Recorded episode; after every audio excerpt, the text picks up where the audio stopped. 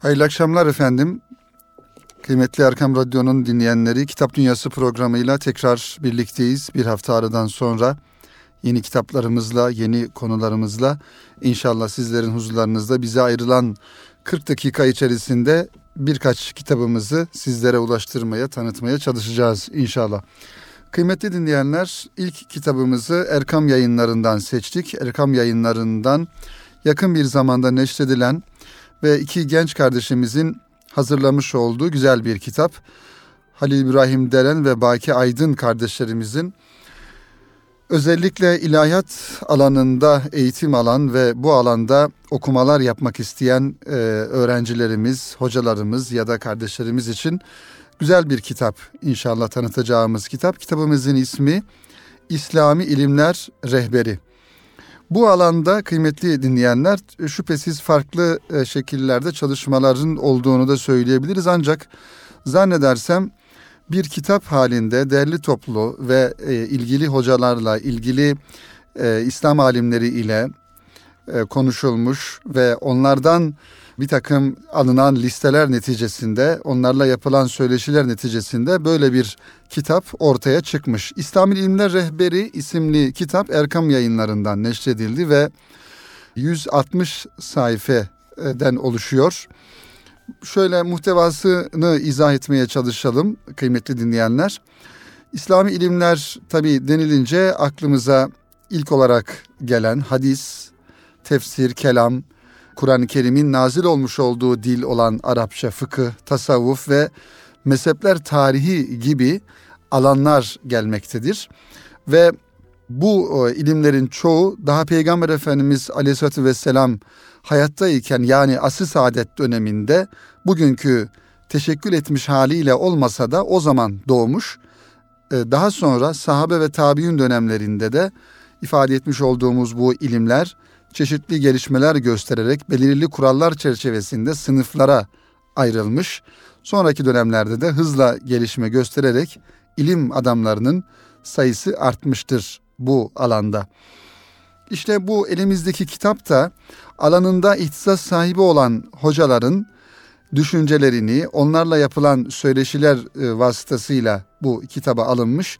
Her e, röportajın sonunda da bu alanla ilgili genişçe bir kitap listesi verilmiş. Bakalım neler var kıymetli dinleyenler kitabımızda.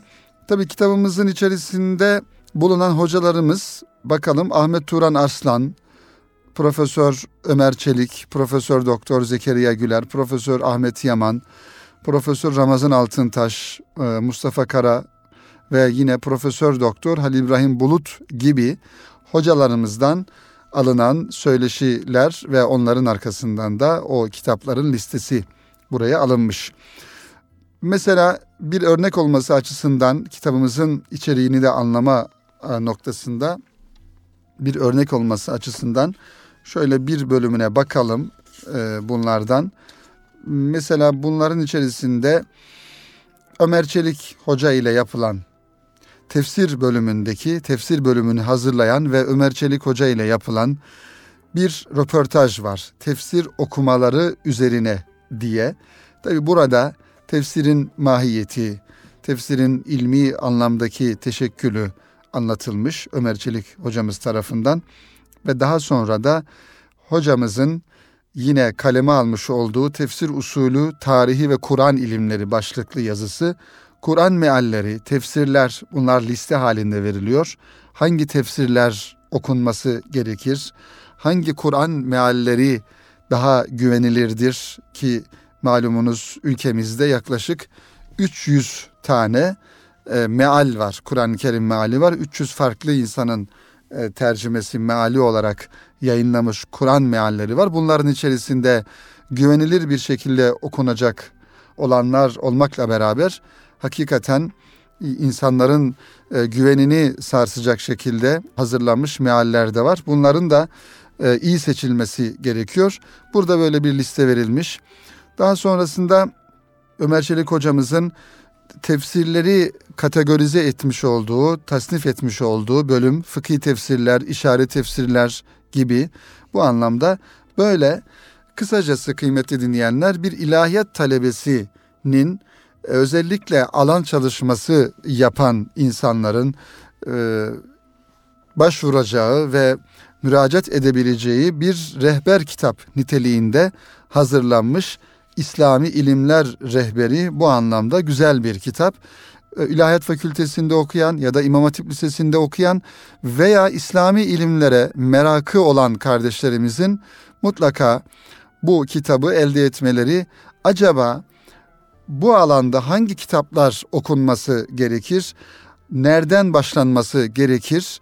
Hangi yazarlar takip edilmesi gerekir gibi soruların cevabını bulabilecekleri güzel bir kitap. Halil İbrahim Delen ve Baki Aydın kardeşlerimizin hazırlamış oldukları İslami ilimler rehberini Erkam yayınları yayınladı. Bunu da inşallah elde eder okuruz. Kıymetli dinleyenler programımızın ilk kitabının tanıtımını bu vesileyle bitirmiş oluyoruz. Diğer kitaplarımızı da bakalım neler var önümüzde. Geçtiğimiz haftalarda kısaca temas etmiştik. Güzel bir kitap. Bu da Sufi kitaptan yayınlanmış. Beşinci baskısını yapmış. Bir tasavvufla alakalı tasavvufa giriş Mahmud Erol Kılıç Hoca'nın kaleme almış olduğu bir kitap. Tasavvufa giriş ismiyle Sufi kitaptan ve beşinci baskısını yapmış. Mahmud Erol Kılıç Hoca'nın kısaca biyografisine bakacak olursak hakikaten önemli tasavvuf hocalarımızdan birisi Mahmut Erol Kılıç ve uluslararası veya ulusal alanlarda da çok makaleleri, çeşitli çalışmaları, faaliyetleri olan bir insan. Mahmut Erol Kılıç İstanbul'da doğdu. İstanbul Üniversitesi Siyasal Bilgiler Fakültesinden mezun oldu. Ve Marmara Üniversitesi İlahiyat Fakültesi Tasavvuf Anabilim Dalı öğretim üyesi. Buradan şunu da ifade etmek gerekiyor kıymetli dinleyenler. Demek ki farklı bir alanda üniversiteyi okumuş olsa bile insan ilmi çalışmalarını yine ilahiyat alanında yaparak bu alanda e, ihtisas sahibi olabiliyor. İşte burada Mahmut Erol Kılıç Hoca'nın Siyasal Bilgiler Fakültesinden mezun olduğunu görüyoruz. Ancak kendisini İslami tasavvuf e, alanında yetiştirip Marmara Üniversitesi İlahiyat Fakültesi Tasavvuf Anabilim Dalı'nda öğretim üyesi olarak görev yapmakta. Yerli ve yabancı pek çok dergide makaleleri yayınlandı. Bilimsel faaliyetlerin yanı sıra şu görevlerde bulundu. İstanbul Türk ve İslam Eserleri Müzesi Başkanlığını yapmış e, Mahmut Erol e, Kılıç hocamız. Ve e, bunun dışında İslam Ülkeleri Parlamentolar Birliği Genel Sekreterliğini yapmış e, ve halen bu görevi devam ediyor e, bildiğimiz kadarıyla. Ve bunun dışında yine uluslararası farklı kuruluşlarda yönetim kurulu başkanlığı gibi görevleri ifa etmiş. Mahmut Erol Kılıç Hoca'nın yayınlanmış diğer eserlerine bakalım. Sufi ve Şiir insan yayınlarından çıkmış. Evvele Yolculuk, Tasavvuf, Edebiyat, Sanat Konuşmaları bu da Sufi kitaptan çıkmış.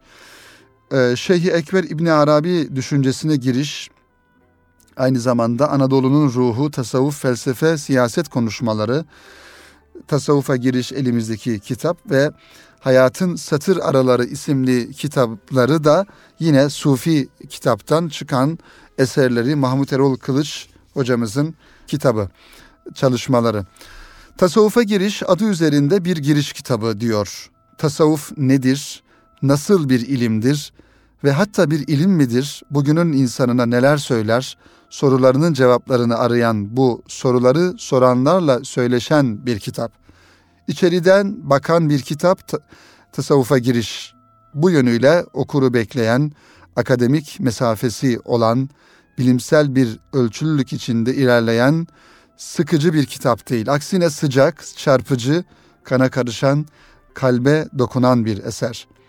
Tasavvufa giriş özellikle modern eğitimden geçmiş, kafası haliyle bir parça karışık okur için sürprizlerle, beklenmedik yeniliklerle dolu.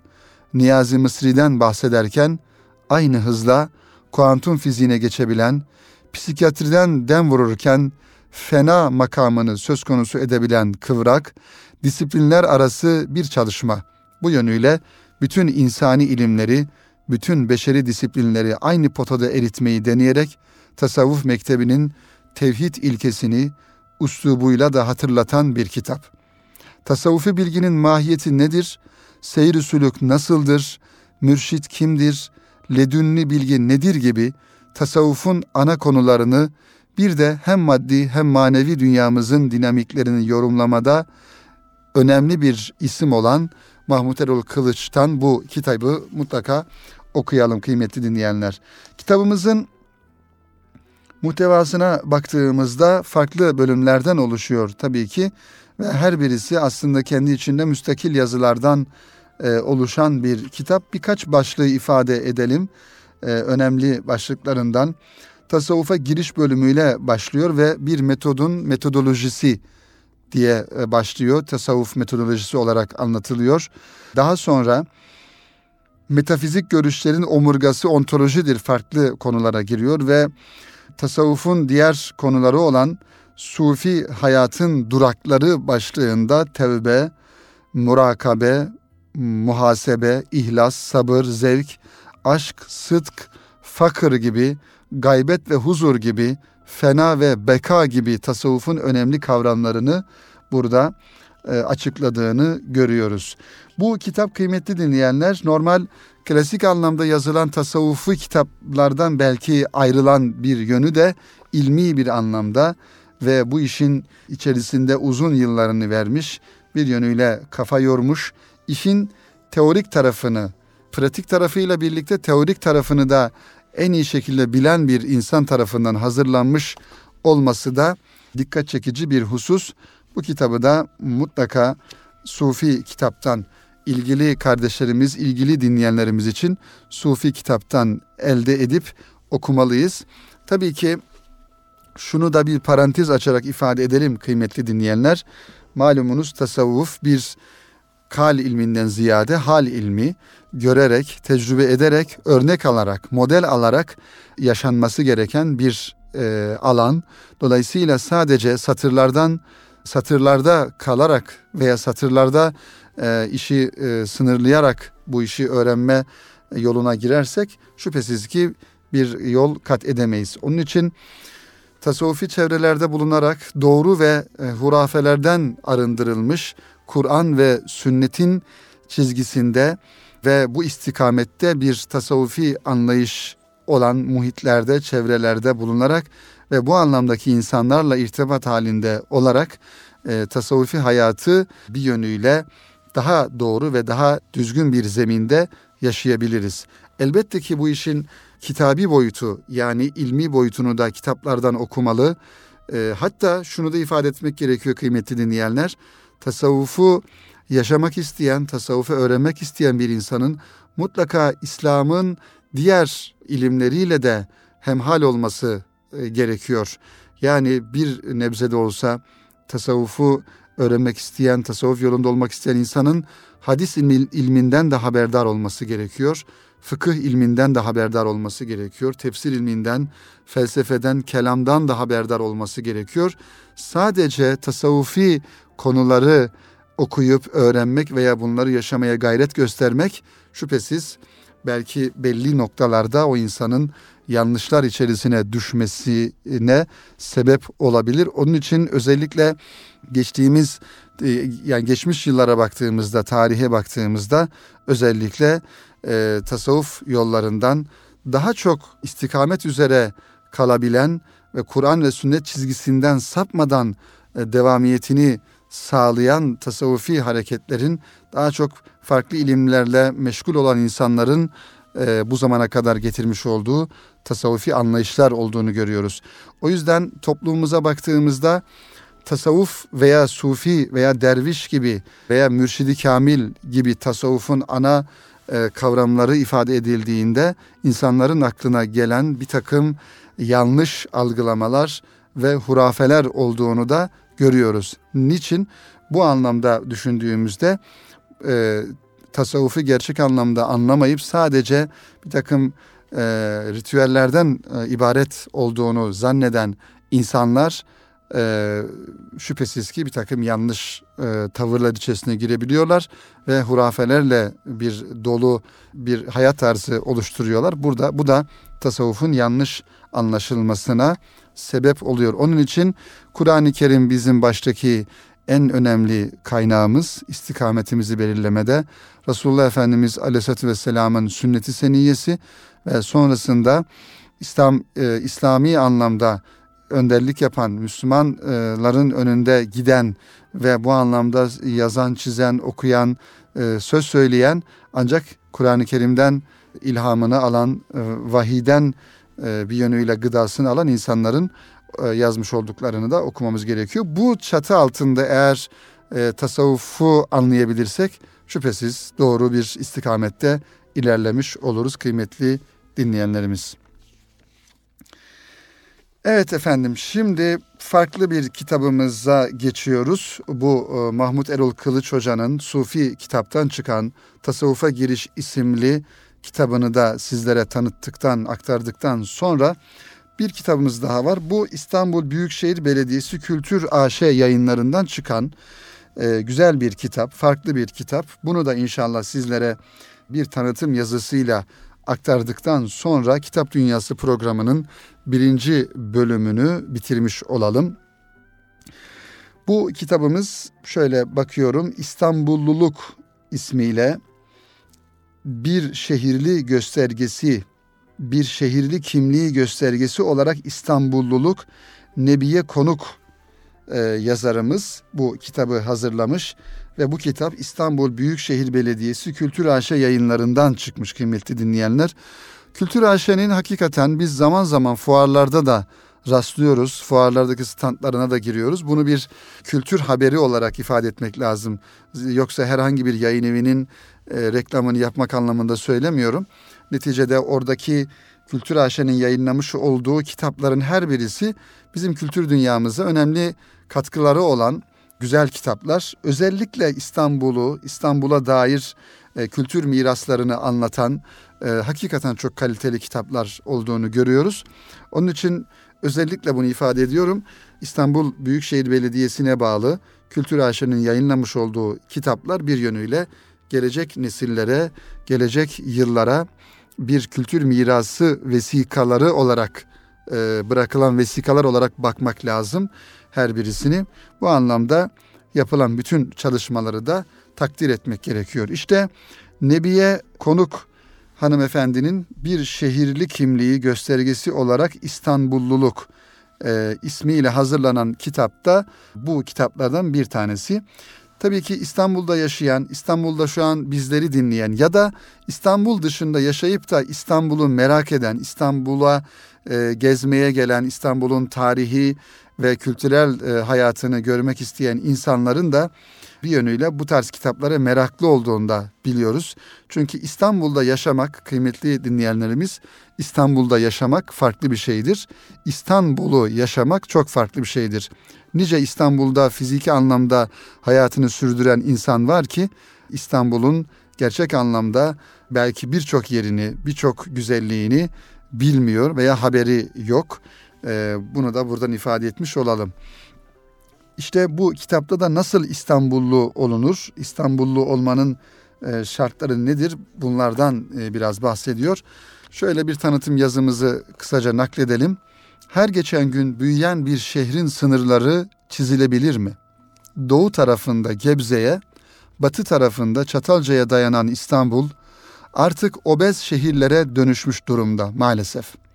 Her geçen gün trafiğe çıkan araç sayısı arttığı gibi her geçen yıl İstanbul'un nüfusu da artmakta.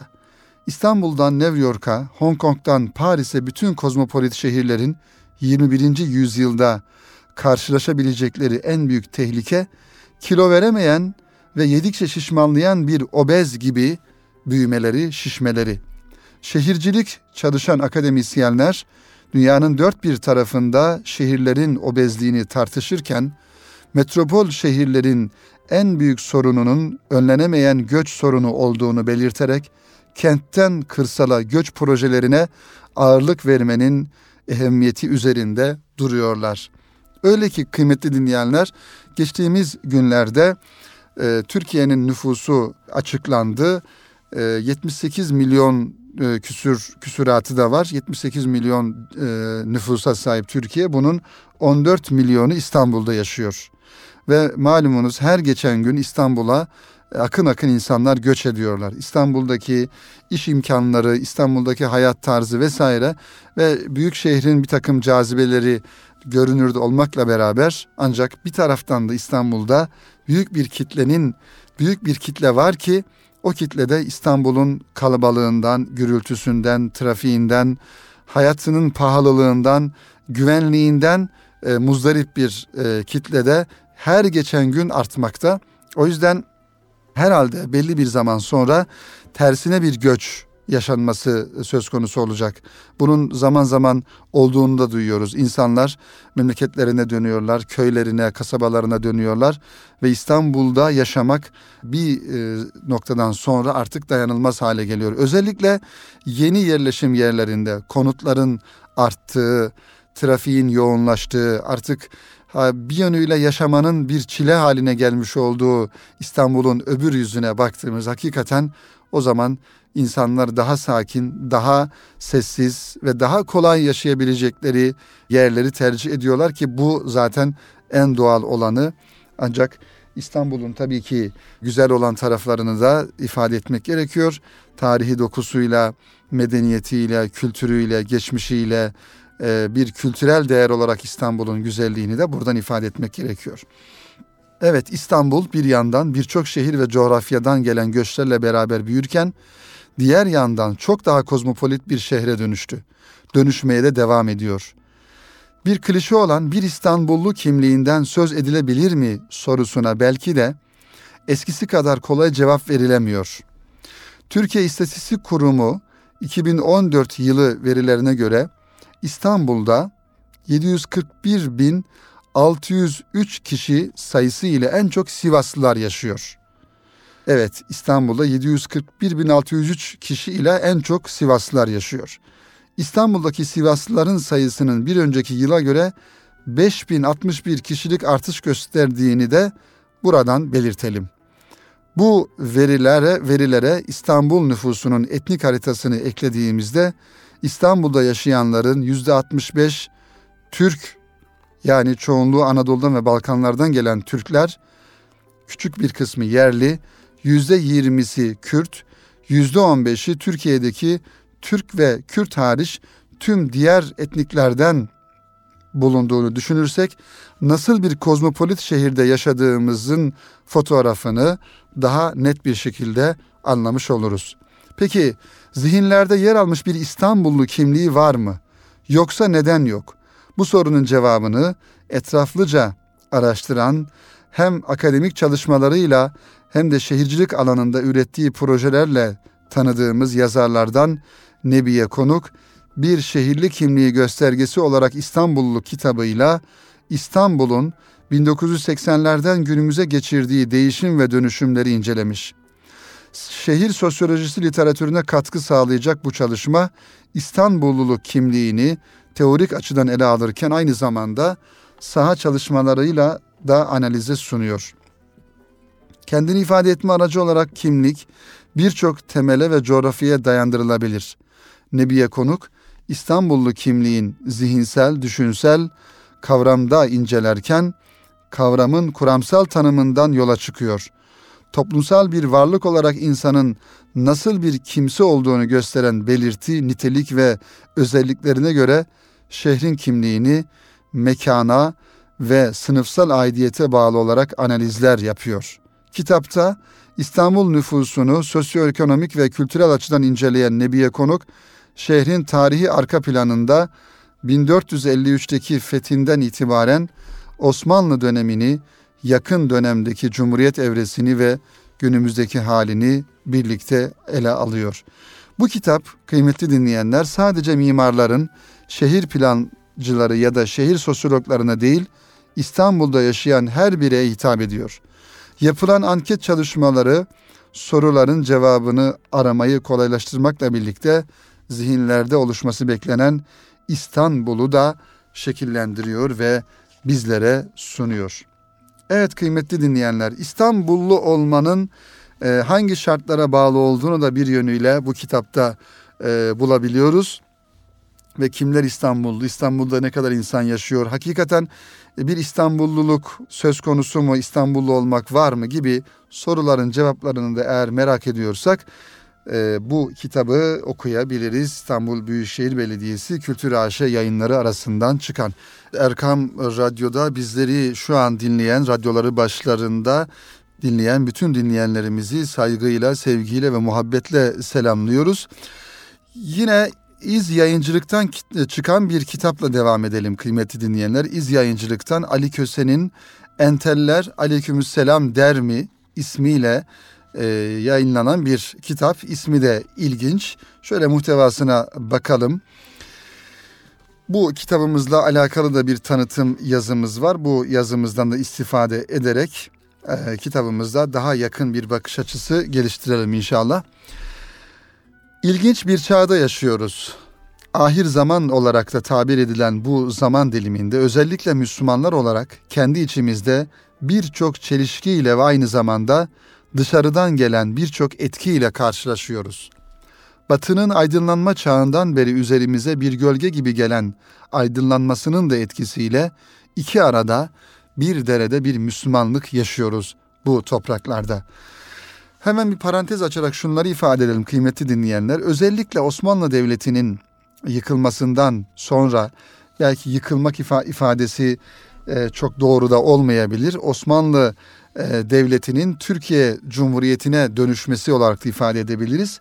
Veya Cumhuriyet'in kurulmasından sonra bizim ülkemizin e, daha çok yüzünü batıya dönmesinden sonra bu topraklarda yaşayan bizlerin ve Müslüman toplumun bir kimlik karmaşası içerisine girdiği bir hakikat. Bir yüzümüz batıya dönük, köklerimiz bize ait bir doğu kültürünü taşıyoruz. Dolayısıyla batılı mıyız, doğulu muyuz? Bu anlamda böyle bir karmaşa yaşadığımızı da ifade edelim. İşte bu anlamda Ali Köse de bu meselelere cevap verici bir mahiyette Enteller Aleykümselam der mi isimli kitabını iz yayıncılıktan çıkarmış. Batının aydınlanmasını takiben bizdeki aydınlanmacılar da kendilerine bir hedef bulup o yana doğru ilerlemeye başladılar. Mutlak doğru batının yaptığıdır artık. Uzun yıllar Kur'an ve hadislerin ışığından dışarı çıkmayan bir toplumun içerisinde kendilerini yeni ve modern olarak tanımlayan bir kesim var olur. Var olması değil problem olan. Dağdan gelenin bağdakini kovması misali bu yeni modernler de toplumun var olan kültürünü bazen yok saydı, bazen aşağıladı. O kadar ki bu topraklarda yüzyıllardır var olan ve bugün tüm Müslümanların ortak selamı olan Allah'ın selamını bile aşağılayacak, hor görecek bir alt kültür nesnesi saydılar. Bugün ülkemizde yaşanan çatışmaların temelinde yatan da bu aslında. Yukarıdan başlayarak tabana doğru gerçekleştirilen bu sözde, sözde modernlik bunu kabul etmeyenleri sözde modernler tarafından hor görülmeye itti.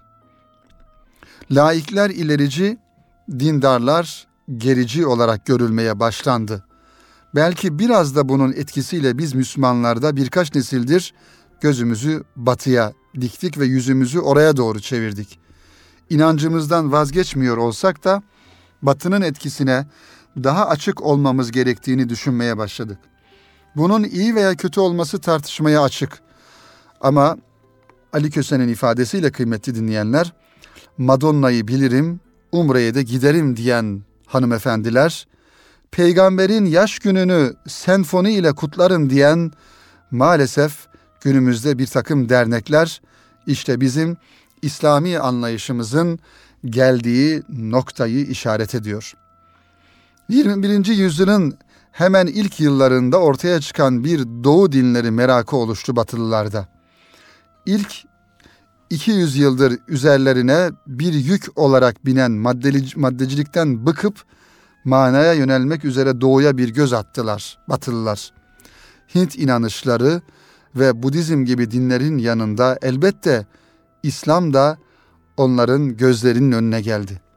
Manayı arayan batılılar denize düşen yılana sarılır sözünü anımsatırcasına aslında entelektüel bir ger- gerekçe oluşturmadan duygusal sebepler aracılığıyla bu inanışları veya inanışların sadece bir kısmını kabullenmeye başladılar. İşte bu düşüncelerimizi doğrulayan kısa bir bölümü kıymetli dinleyenler Ali Köse'nin bu kitabından sizlere aktaralım.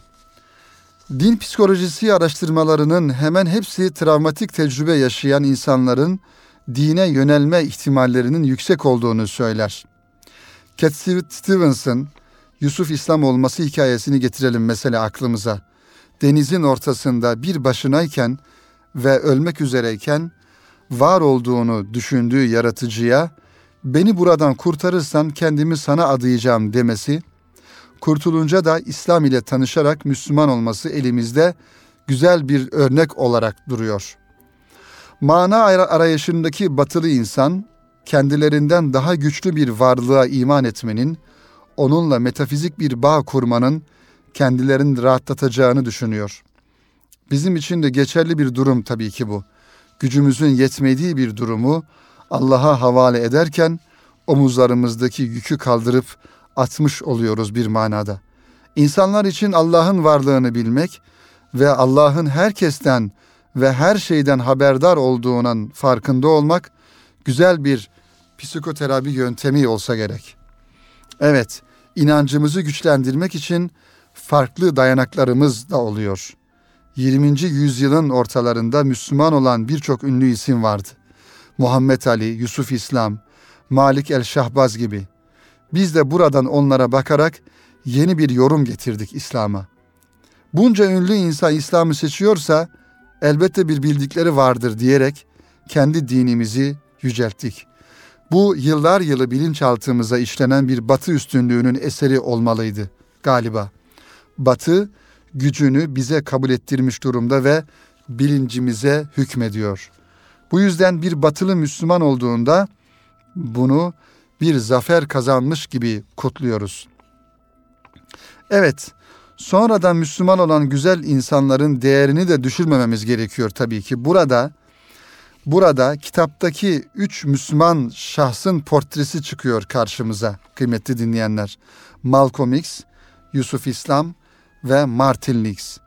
Üçü de hayatlarının sonraki dönemlerinde Müslüman olmuş ve İslam'ı hakkıyla yaşamaya çalışmış insanlar. Malcolm X İslam'da ırkçılığa karşı duruyor. Yusuf İslam sanatı ve Martin Lix de bilgeliği temsil ediyor bir manada. Üçünün de hayatıyla ilgili kısa bölümler yer alıyor bu size aktarmaya çalıştığımız kitapta. Bir diğer portre ise bir Hristiyana Edward Said'e aitti. Oryantalizm kitabıyla Batı'nın karşısına çık geçerken elimizde sağlam bir kalkan olması gerektiğini vurguladı bizlere ve ne acıdır ki birçok Müslümanı Müslümanlardan daha iyi bir şekilde savundu.